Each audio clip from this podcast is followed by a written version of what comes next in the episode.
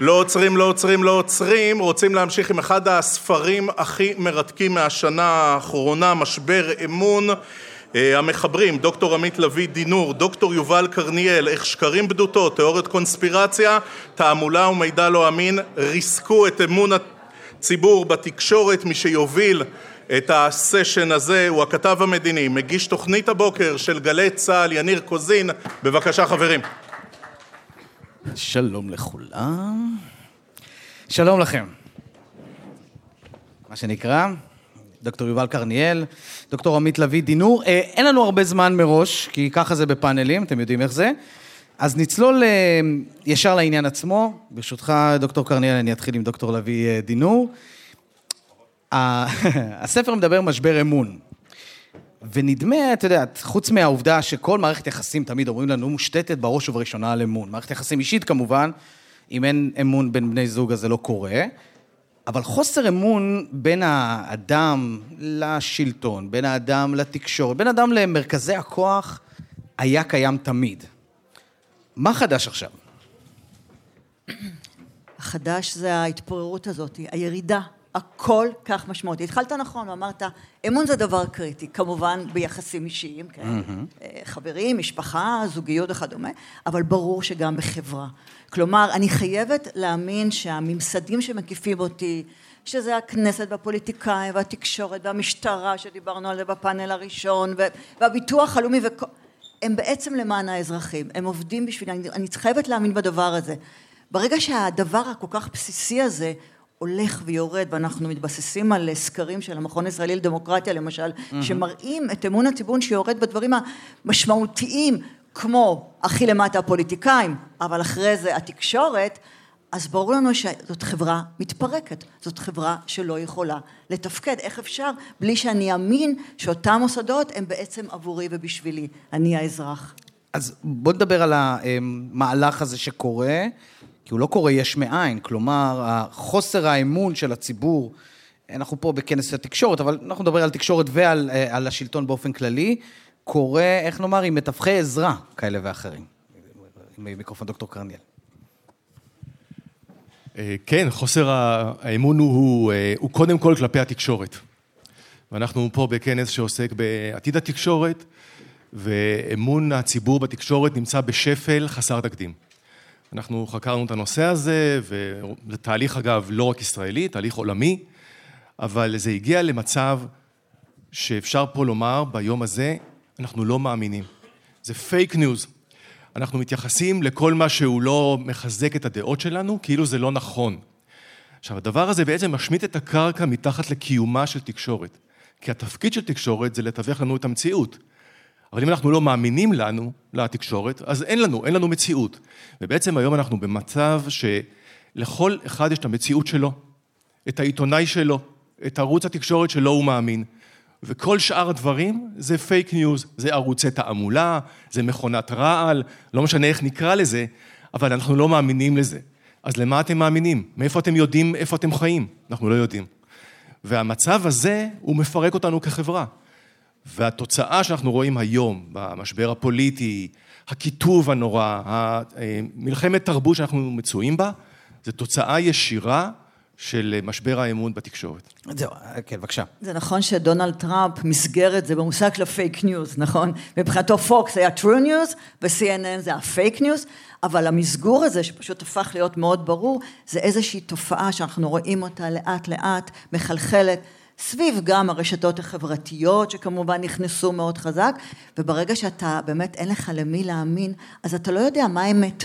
אז זה נכון שגם ערך האמת מאוד ירד, ולכן קשה מאוד, ברגע שאני לא יודעת מהי האמת, למה אני אאמין, אז בעצם כל ההגדרות הכי בסיסיות שלנו, גם כיחידים וגם כחברה, מתרסקים. אז אני רוצה לאתגר את התפיסה הכללית של הספר שלכם, שמדברת על כך שבעצם היעדר אמון הוא מסוכן, וציינתם את זה שניכם, עוד מעט נבין למה. מצד שני, היעדר אמון של האזרח, ב, אני אומר גם בתקשורת, גם ב, ב, אה, בשלטון, אבל גם בתקשורת, מעיד למעשה על חברה שהיא חברה אה, פלורליסטית מחשבתית. זאת אומרת, היא יכולה להטיל ספק בהוא ולהטיל ספק בזה, מה שמוביל אותו אולי לחקור יותר, לשאול יותר שאלות, כלומר, זה, זה לאו דווקא דבר שלילי, בהכרח הבעת חוסר אמון כלפי מי שיש לו את הכוח. אז ככה, נכון שתמיד, דרך אגב, הייתה סוג של ביקורת, זה לא שיוצאים מנקודת הנחה שתמיד המצב היה אידיאלי ותמיד קיבלנו את הדברים.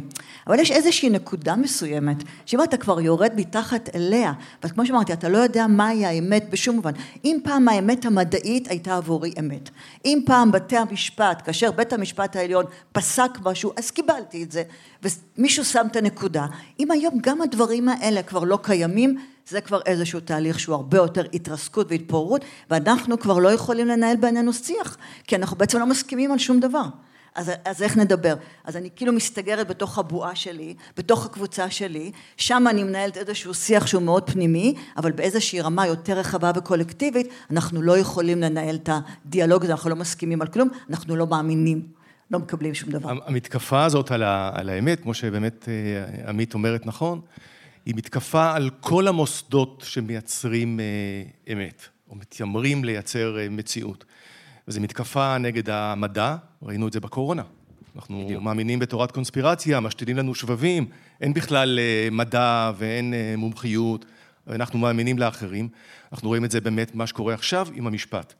אלה מוסדות האמת שלנו, זה מדע, זה משפט, זה תקשורת, אלה המוסדות החברתיים שהתפקיד שלהם זה לברר את האמת. ואם אנחנו מתקיפים את המדע ולא מאמינים, ואם אנחנו מתקיפים את אה, בתי המשפט כגורם שמסוגל אה, לתת לנו אמת אה, מוסכמת, אנחנו רוצים להתגבר על זה. אנחנו, הצד האחד, הקוטב האחד, נתגבר על ההסכמה של, ה, של האמת. בתי המשפט, אנחנו כבר לא מאמינים להם ולאמת שהם מייצרים. התוצאה היא התפוררות חברתית, וראינו את זה באמת פה אפילו בדיון על המשטרה.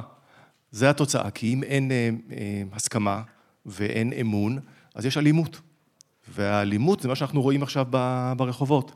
כי אם אנחנו לא יכולים לנהל בינינו יחסים שמבוססים על אה, איזושהי כללי משחק, אז כל אחד דוקר את החבר שלו במעבר חצייה, חותך אותו ברמזור, ואנחנו באמת חברה בהתפרקות. זה יוצא ככה שאנחנו מגיעים אחרי פאנל של פוליטיקת ספורט, ונדמה, או לא, סליחה, של תקשורת ספורט, ואנחנו הופכים לפוליטיקת ספורט, למעשה של מחנות. אבל אני מנסה עכשיו, שננסה להבין את התקופה הנוכחית. מי הם התורמים העיקריים לעובדה שפייק ניוז נהיה משהו שהוא, זורקים אותו לחלל האוויר, שקל מאוד להפריך אותו? האם זה הרשתות? האם זה המנהיגים? איפה אתם שמים את הנקודה? הטכנולוגיה והרשתות, הייתי אומרת, מאוד אה, זרזו את הדבר הזה. כלומר, באמת העובדה שיותר ויותר גם אה, נכנסנו למקום שכל אחד יכול לקרוא את העיתונאי שהוא אוהב, שיש לו את המידע, זאת אומרת, זה כבר לא מדורת השבט שהייתה בעבר. דרך אגב, מדורת השבט שהייתה בעבר בישראל, כן, אם אה, התחלנו עם הערוץ הראשון שכולנו, מה שנקרא, צפינו בו, ולאט לאט גם נכנסו ערוצים מסחרים, ולאט לאט הגענו בכלל ליותר ויותר תקשורת שהיא יותר אישית, ועם פודקאסטים, כן, לפיה. מה שהיה בעצם בפאנל הקודם, אז דרך אגב מדורת השבט היא גם כבר לא כל כך קיימת בבית. כלומר, גם בבית, כאשר אנחנו צופים אולי כמשפחה באיזשהו, בטלוויזיה המסורתית, אז כל אחד, בטח הילדים שלנו, הם כבר נמצאים, מה שנקרא, בתוך הטלפון שלהם, וצורכים את התקשורת שלהם בו זמנית. זאת אומרת, אפילו השיח בתוך הבית, שפעם היה באמת יותר אה, מחובר, היום הוא הופך להיות יותר ויותר אישי. כלומר, אנשים שונים יכולים להגיע אל מקורות המידע שלהם, לקבל את האמינות ששם, וזה לאט לאט מפורר אותנו בהרבה מאוד מסגרות. עכשיו, המילה השם היא כמובן, אנחנו לא רוצים להיות שם, כי יש לזה גם הרבה מאוד יתרונות, אבל אין ספק שהטכנולוגיה היא זרז מאוד משמעותי לדבר הזה, כאשר כמובן בו זמנית זה משפיע על, יש פה שתי קולגות אה, מהרשות השנייה, שהרבה מאוד שנים ישבנו שם, וראינו את הסקרים, אתה יודע, ממש משנה לשנה, את חוסר האמון בתקשורת. כלומר, איך באמת ממקום מאוד משמעותי, שבעבר שאלתי אדם, איפה אתה יודע מה שאתה יודע? אז הוא אומר, ראיתי בטלוויזיה, קראתי בעיתון, שמעתי ברדיו. אי אפשר כבר לומר את הדברים האלה, כי אני פחות ופחות מאמינה, אז, אז כן, אז זה כל הדבר הזה, זה הדבר של הממסד, זה הדבר של הפוליטיקאים, זה הדבר של התקשורת, זה הטכנולוגיה, זה מין תהליך. ואנחנו בספר באים ואומרים, בואו נשים לב, בואו נדבר על זה, בואו נראה מה המשמעות אם נמשיך ככה. אנחנו באמת נתפורר באיזושהי רמה שכבר יהיה קשה לנו לחזור כן, אבל כמובן שאי אפשר להתחמק מהעובדה שיש אה, גורמים שמתקיפים את, ה, את האמת ואת האמון הציבור. גורמים שעושים את זה מסיבות פוליטיות, בין אם כדי להתחמק מחקירה ומשפט אה, פלילי, בין אם כדי להתגבר על, אה, על תקשורת, בין אם כדי, מדובר באמת במכונת רעל, היא פועלת בארץ, היא פועלת בעולם, טראמפ הפעיל אותה הברית, זה הגיע עד הסתערות על הקפיטול, אנחנו רואים את זה היום בברזיל. כלומר, זה מכונת אה, רעל אה, בינלאומית שמתקיפה את מוסדות האמת, את מוסדות המדע, את האליטות המשפטיות, את התקשורת הליברלית, והם מונעים במידה רבה על ידי גורמים אה, עוינים, פוטין ורוסיה בראש ובראשונה, משתמשים בסייבר כדי להפיץ את הדבר הזה, להפיץ תיאוריות קונספירציה, לפורר את הדמוקרטיות המערביות שמבוססות על תפיסת האמת. מבוססות על מוסדות מדעיים, אקדמיים, כמו האוניברסיטה שלנו, מבוססות על בתי משפט עצמאיים ובלתי תלויים שמבררים את האמת, מבוססות על תקשורת עצמאית, ליברלית, בלתי תלויה. הדבר הזה נמצא תחת מתקפה, מתקפה פוליטית, ואנחנו מרגישים אותה פה בארץ, והיא כרגע בשלטון, דבר שבאמת מאיים על החירות של כולנו, על הדמוקרטיה שלנו, פסקת ההתגברות, בדיוק. רציתי לחבר את זה, אבל אם, אם אני מסכם את החלק הזה, ונזכר ב, בימיי כסטודנט לתקשורת, אז היה את מקלוהן שאמר שהמדיום הוא המסר, אז עכשיו המדיום הוא דרך ההפצה, למעשה. כלומר, מה שהיה פעם בחדרי חדרים, בקבוצות, היו מדברים פייק ניוז, שמעתי מישהו אמר, היה מתמוסס לו לאט לאט. עכשיו זה נשאר חי וקיים ברשתות. ואני רוצה בדיוק עכשיו, נגעת את זה ממש בקצה, דוקטור קרניאל, ואני רוצה אה, להפנות את השאלה לשניכם, כי זה בא בהקשר לשיחה של הרפורמה המשפטית, וזה מתחבר אצלנו. שמעתי את עורך הדין אה, רז נזרי, לשעבר היועץ המש... אה, המשנה ליועץ המשפטי לממשלה, אומר שיש כאן תגובת נגד. ואולי מי שמסתכל עכשיו מהצד ואומר, הנה האנשים שהזיזו להם את הגבינה, הם עמדו בנקודות המרכזיות, בתקשורת, בממשל, שלטו על המסר באופן כזה או אחר, והרשתות החברתיות מפחידות אותם. ומה שזה יוצר, זה יוצר תנועת נגד חזקה מדי, ו- ובאמת מה שדיברנו עכשיו עם הפייק ניוז. מה אמורות לעשות החברות הממסדיות, גופי התקשורת, בואו נתחיל בזה, כדי להתמודד עם הדבר הזה, זאת אומרת להישאר רלוונטיים, ולא להיתפס כמי שבחרדה מזה שהם כבר לא מחזיקים בכל המידע. האמת היא שגיא לרר, כן, בדיוק דיבר על הנקודה הזאת, כלומר, הוא בדיוק דיבר על כך שהוא רואה את תפקידו כעיתונאי, וגם כאשר הוא פוגע בפרנסה של ערוץ 13, מכיוון שהמפרסמים הגדולים אולי יסרבו, גם סירבו, להמשיך ולעבוד עם הערוץ, אז הוא כן מרגיש שזה קשה. זה לא פשוט, הוא ממש אמר את זה בצורה מאוד כנה, אבל מן הסתם זה התפקיד. כלומר, עיתונאי צריך לדעת, להבין שזה התפקיד. התפקיד של עיתונאי מאוד השתנה לאורך השנים. ואכן פעם בעבר, באמת העניין של האתיקה, ובאמת העניין שכן של הקווים, היה מאוד מאוד ברור, של הצלבת מקורות. ואנחנו גם רואים את התהליך הזה שהשתנה.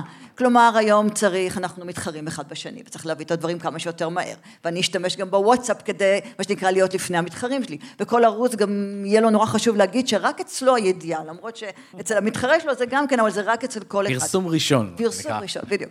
כלומר יש פה איזה תהליך באמת של התחרות שבסופו של דבר גם מוזיל את התהליך והופך את הדברים כמובן לעוד יותר צהובים ממה שהיו כלומר, התפקיד של העיתונאים, המקום של העיתונאים, וזה הכנס שאנחנו עוסקים בו היום, כן, הוא מאוד מאוד משמעותי ומאוד חשוב שהוא יחזור באמת לאותם ערכים שהיו חשובים לו בעבר וצריך לשים אותם קדימה, שזה באמת מחקר, הצלבת מקורות, ידיעה שהיא נכונה, לא לעמוד לי מול המסך וכל שנייה לשנות את הנתונים כי פתאום קיבלתי מידע חדש אז אני אעדכן, היו כך וכך הרוגים, לא, יש כך, אנחנו כצופים נעזרים ומבינים שמה שאומרים לנו זה התיווך שלנו, זאת אמורה להיות האמת והם צריכים להשתמש בעובדות.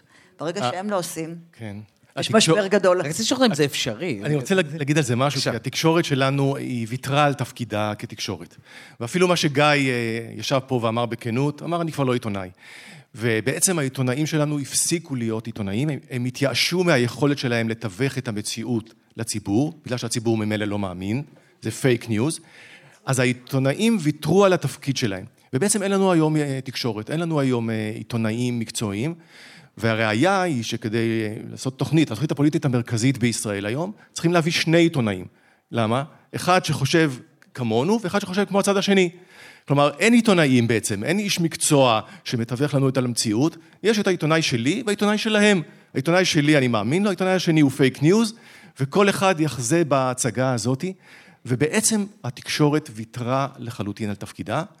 ואני רוצה להגיד פה שאולי אין ברירה, בגלל שכדי שהיא תבצע את תפקידה צריך להיות אה, שוק רעיונות, צריך להיות איזה אמון בתקשורת. ואם אין אמון, אז נמצא הדבר הזה. אז מה שעושים בתקשורת זה שני דברים. אחד, עושים בידור.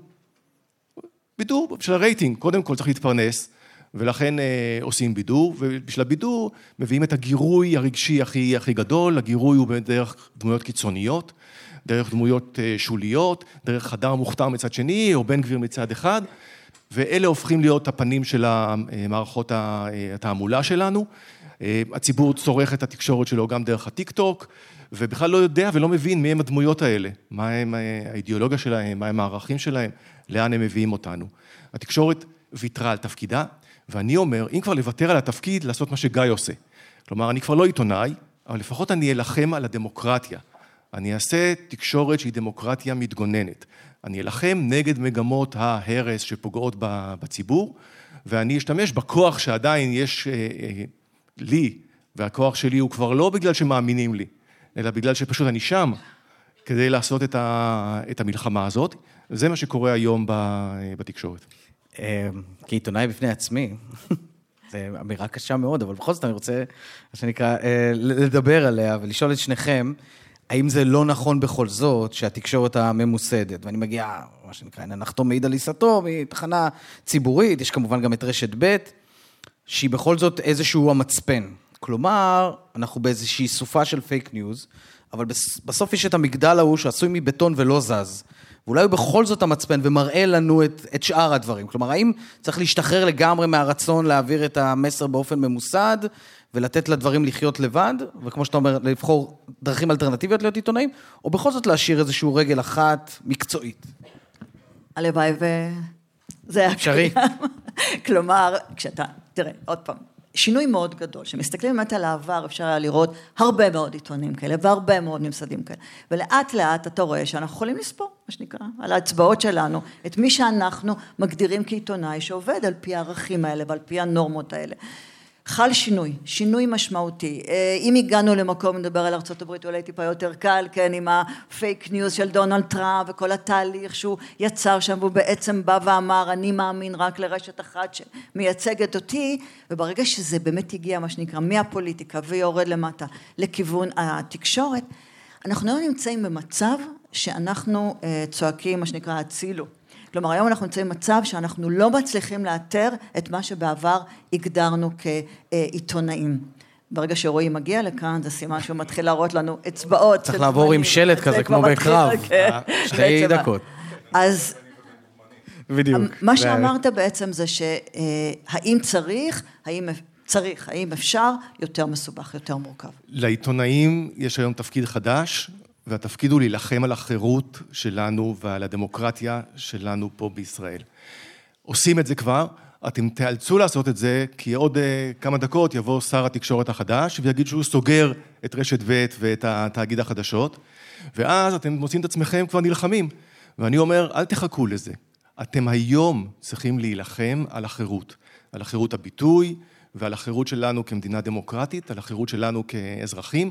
יש לכם תפקיד במערכה הזאת, אתם לא אה, יושבים ביציע ומסתכלים ואומר, רגע, בן גביר אומר ככה והוא אומר ככה. לא. התקשורת היא זאת שמותקפת, התקשורת היא הקורבן של המהלכים האלה, לתקשורת סותמים את הפה, משתלטים עליה השתלטות עוינת, ולתקשורת המקצועית, שמנסה להיות חלק מחברה דמוקרטית, יש תפקיד גם לך. אפשר, אפשר בהחלט.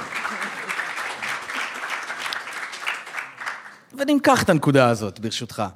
אמ, אנחנו כתקשורת, באופן אישי גם, אני יכול להגיד, לא פעם ולא פעם מרגישים מותקפים. אה, הגדרת את זה נכון, דוקטור קרניאל, וגם את, אה, דוקטור אה, לוי דינור. אמ, אבל השאלה היא בסוף, אם בקצה, וזאת השאלה שאני שואל ממש ככה פתוח, אם חלק מהחזרת האמון הוא כן לאפשר אמ, להביא את הדעות משני הצדדים, למסגר אותן. לומר מה כן, מה לא, זאת אומרת, לא, לש... לא להשאיר את זה וללכת, אבל כן לשים לב לייצוג, אתה יודע, יש, יש מי שמסתובב בטוויטר יודע שאחד הדברים הכי נוראים זה, איך, איך אומרים? אמ, האיזון הקדוש, כן? זה נהיה גינוי, להגיד את זה בגינוי. חייבים את האיזון הקדוש. אז אני שואל, האם, לא קדוש, אבל האם באמת המקום הזה של כן לשים לב לאיזון מסוים, שיש תחושה בחלק מהציבור, יכניסו לו את זה לראש, הוא ראה את זה בפייק, לא משנה, תחושה שהיא קיימת כיום, האם אפשר בכל זאת לעשות עבודה דרך התקשורת הממוסדת? אני חושבת שלא, זאת אומרת, אני מברכת דווקא על הדבר הזה שהתקשורת היום יותר מגוונת. זאת אומרת, אם אני חושבת פעם היה רק הגבר הלבן, בשנות ה-40 כזה, זאת אומרת, לא ראינו נשים ולא ראינו כל מיני מיעוטים. מי? תגיד, תגיד למיקרופון. חיים יבין לחלוטין, נכון. כלומר, נכון. ברור שהתהליך הזה, והיום רואים הרבה מאוד נשים. ורואים יותר ויותר מגזרים. זה כמובן, אם זה דווקא, זה תהליך שכולנו, אני חושבת, מברכים עליו, ואומרים כן, שיהיה לנו ייצוג אה, לדעות שונות. לא זאת הבעיה של התקשורת. הבעיה המרכזית היא הצורה שבה היא מציגה דברים, והיא כאילו כבר לא מסבירה ולא מפרשנת ולא אומרת מה המשמעות. למשל בן גביר, כן, כתופעה. זה היה משהו, אה, סוג של סלביות כזאת, שנורא אהבו להראות אותו בטיק טוק, ואז ארץ מת, אה, נהדרת מתכתבת עם הטיק טוק, ומראה את האדם החביב הזה, כן, של אה, אם זה לא אחי, אז זה כל מיני ביטויים אחרים. ידידי. צוחק, ידידי, וכן, אחי זה היה... בנט, כלומר יש לנו, והוא נורא חמוד כזה, ותמיד הוא צוחק, ובטיקטוק עם הבן שלו, והעידוד של הסלביות הזאת של אנשים, בלי איזשהו הסבר של התקשורת, שאנשים יותר מבוגרים מכירים ויותר צעירים לא מכירים, מאיפה הוא בא, מה זה כהנא, מה השורשים, כלומר, כן הסבר שכל דמות והמשמעות היותר אידיאולוגית ופוליטית, כי זה התפקיד של התקשורת. עכשיו, הרבה מאוד שנים, ויש הרבה מאוד מחקרים מדברים על כך. בארצות הברית יש את הביטוי הזה של ה-horse race, מרוץ שאתה... מרוץ סוסים. מרוץ סוסים שאתה צופים, שטוענים שהתקשורת, האופן שבה היא מסקרת, היא דרך שאתה צופים, היא אוהבת להתמקד במי ראשון, מי שני, מי מנצח, ופחות במה שנקרא אישוס, פחות בנושאים. בסדר, את זה אמרו הרבה מאוד שנים, תראו מה קרה היום. זאת אומרת, בכלל ויתרו על העניין של האישות, של ההסבר, של איזשהו מסגור יותר רחב, והולכים רק לכיוונים של התדמית, של הסלב, של מה שנקרא, של הבידור, של ההנאה. זאת הבעיה בעיניי. דוקטור קרניאל, אה, אה, כן, אני, פשוט, אני אוהב, כשאת אומרת משהו, אז אני לוקח אותו, אני משליך אותו על דוקטור קרניאל. כן. כי, כי לפעמים אולי יש תפיסה שהתקשורת היא מאוד זאת שמתווה את המציאות. ואנחנו הרבה פעמים מדברים, הבעיה בתקשורת, הבעיה בתקשורת. בעיניי לפחות, תקן אותי אם אני טועה, התקשורת הרבה פעמים מגיבה לטכנולוגיה, לכל מיני מגמות חברתיות. כשהטכנולוגיה היא טכנולוגיה מהירה כזאת, אז נדמה לי שהתגובה הייתה להפוך את הכל לפושים וקצר ומהר וכן הלאה. השאלה אם באמת, כשהתקשורת היא מרביתה מסחרית, יש לה בכלל יכולת להתמודד עם מגמה שהיא מגמה טכנולוגית חברתית כזאת. הרי היא מגיבה בסופו של דבר. או בקיצור, החבר'ה יגידו, עזוב אותי, חפרת. אם אתה רוצה יותר מדי עמוק. אה, כן, זה נכון מאוד. אנחנו בגל של, אה, של צונאמי שנאבק על הקשב שלנו. הרי בסוף אה, אנחנו באמת מוצפים, ואני אגב מאוד מעריך את זה, שאנשים באו לפה היום ומקשיבים לדיון זה לא פשוט, אנחנו כל אחד עם בין ההתראות ובין המיליון ואחת הסחות אה, דעת ומקורות המידע. אנחנו בצונאמי של אה, מידע, אנשים הם בעיקר בורים, הם לא יודעים, הם לא מכירים, הם אה, כל הזמן מוצפים בסוג של מאבק שהוא מאבק מסחרי בעיקרו, על תשומת הלב שלהם, כדי בסוף למכור להם דברים. ולמרות שכולם מודעים לזה באופן אישי, אנחנו לא מצליחים להיאבק בזה. זו תופעה אה, עמוקה שמשנה את, את מהותו של האדם. כלומר, את האוטונומיה שלנו. אנחנו חושבים שאנחנו אה, אה, אוטונומיים, בעצם אנחנו מופעלים על ידי אה, כוחות מאוד מאוד אה, גדולים כל דקה וכל שנייה, וה, אה, והתקשורת היא חלק מה, מהדבר הזה. וכשאני פה מדבר על תקשורת אה, אה, מקצועית וממוסדת, אנשים שהקדישו את חייהם לדבר הזה של תיווך המציאות, זה כבר חלק קטן מאוד מה... המידע והתוכן הבידורי שאני, שאני צורך. ואליהם אני בא ואומר, תילחמו על, ה, על הדבר אה, הזה. אני מסכים שזה מאוד מאוד קשה, כי בסוף הם מתחרים גם אה, בטיק טוק אה, ובבידור ובאלף ואחד גירויים אחרים. זו מלחמה. וככל שנקדים להבין את התפקידים שלנו במלחמה הזאת, גם התפקיד שלנו באקדמיה, גם התפקיד של תקשורת חופשית, אה, גם תפקיד של מוסדות אה, מדע, גם אה, בתי משפט, אה, כן ייטב, והקרב הזה עובר עכשיו לרחובות. זה מה ש... שקורה ברגעים אלו בברזיל, וקרוב גם בישראל. מקווה שלא. כן, על זה אין מחיאות כפיים, מן הסתם. לא, לא, לא, זה היה בצחוק, אתם לא חייבים בכלל. אמרת שמעת כפיים, אה, ממחאת אותם. אה, אני, אני רוצה אה, להתעכב על משהו שהוא מעניין, שאתם כותבים בספר. אמ, קודם כל, אני, אני רק רוצה לחדד, כי נגענו לזה ממש בנקודה, אבל באמת אנחנו רואים פוליטיקאים, וגם שם לב לזה שרואים את המגמות ברשתות החברתיות, ומהדהדים אותם הלאה. כלומר, החוסר אמון בשלטונות החוק, החוסר אמון בתקשורת, זה חלק מתוך איזשהו מעגל שהסיבה לכך היא פוליטית, לאו דווקא באמת תחושה פנימית, אפרופו, אה, כל מיני אה, פוליטיקאים שאנחנו מכירים, אבל רואים את זה. אה, אתם מציעים בספר להקים סנהדרין מודרני. כלומר, שימו לב, מועצת חכמים כלל ישראלית, שתשב ביחד ותנסה להסכים על, על נושאים מסוימים. ואני שואל, אה, מועצת העיתונות, כן, אה, אולי הכי רחוק מסנהדרין אה, שאפשר לחשוב עליו, אבל אני, אני לא יכולתי שלא להיזכר בניסיונות להקים כאן קבינט פיוס, אם אתם זוכרים. שמאז הקמתו אנחנו ממתינים לכינוסו הראשון, שלא קרה בממשלת גנץ-נתניהו. אני רק חושב על הוועדה שתהיה אחראית להקים את הסנהדרין הזה, כמה יהיו שם ולמה רק שני חרדים ולא עשרה וכן הלאה. אז זה אפשרי? תראו, נתחיל ונאמר שהספר, מי שקורא אותו, יכול להיות שיש בו משהו גם מאוד פסימי. לא, אנחנו מדברים על משבר האמון, מנתחים אותו מהרבה מאוד זוויות, ובעצם אומרים, זה דבר שהוא בלתי אפשרי לחיות ככה. זאת אומרת, אנחנו עוד דקה באמת נתפרק בכזו רמה שלא נצליח אה, לתקשר אחד עם השני. ואז אנחנו שואלים את עצמנו, וכולם שואלים אותה, ושאלו אותנו רבות, רגע, אז מה אפשר לעשות? יש לכם איזושהי הצעה אז התשובה היא לא, אין לנו איזה, מה שנקרא, מרשם כסף כזה. פתרון כסף, זהו, כנות זה חשוב. קשה, נכון, בכנות. אבל אנחנו רוצים להתעכב על דבר אחד, שגם אנשים שלא מסכימים על הרבה מאוד דברים, אפשר למצוא איזשהו מכנה משותף. זאת אומרת, אתה לא מסכים, אבל אתה כן מוצא את המקומות שאתה כן מסכים. ואנחנו אומרים, בואו שנייה נתמקד בזה, אולי זה הדבר שאפשר. על כן דברים שאנחנו מסכימים עליהם. גם בדעות שונות, דרך אגב, דעות פוליטיות, אנחנו אוהבים להגיד ימין ושמאל וזה, עדיין יש מספיק נושאים שכן אפשר להסכים עליהם. בואו ננסה להתמקד על הדבר הזה. אני רוצה להציג לך ולשאול אותך אילו נושאים. כן, אני לא מצליח לחשוב עליהם עכשיו. אז אה, תראו, בסוף, אנחנו הרי במציאות של קיטוב. זה מה שקרה. כלומר, והקיטוב מושך אותנו לקצוות. והקצוות מערערים את האמון.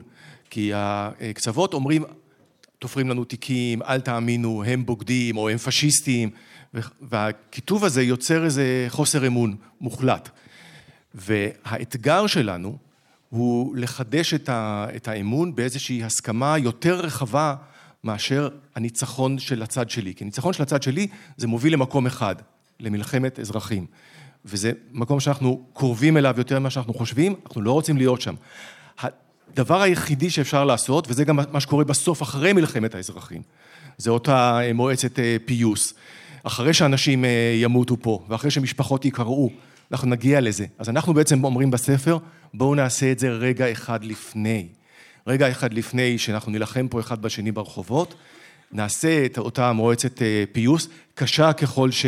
שתהיה, ובעצם אנחנו באים ואומרים עכשיו, ואני הרי דוקטור למשפטים, מוטרד מאוד ממה שקורה עכשיו עם אה, בית המשפט העליון.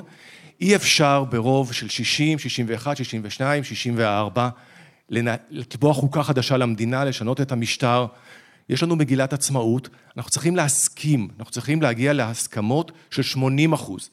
ודבר הזה הוא אפשרי.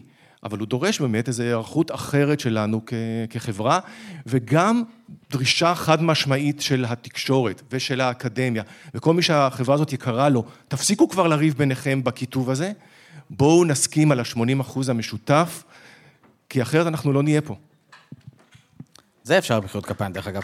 אה, אולי אה, שאלה מן הקהל? אה, רגע, אתן לך מיקרופון שישמעו אותך. האם לדעתכם האובדן האמון בתקשורת נובע מאובדן התמימות, כשהקהל הבין שהאמצעי התקשורת מונעים על ידי בעלי עניין שאין עליהם למעשה ביקורת.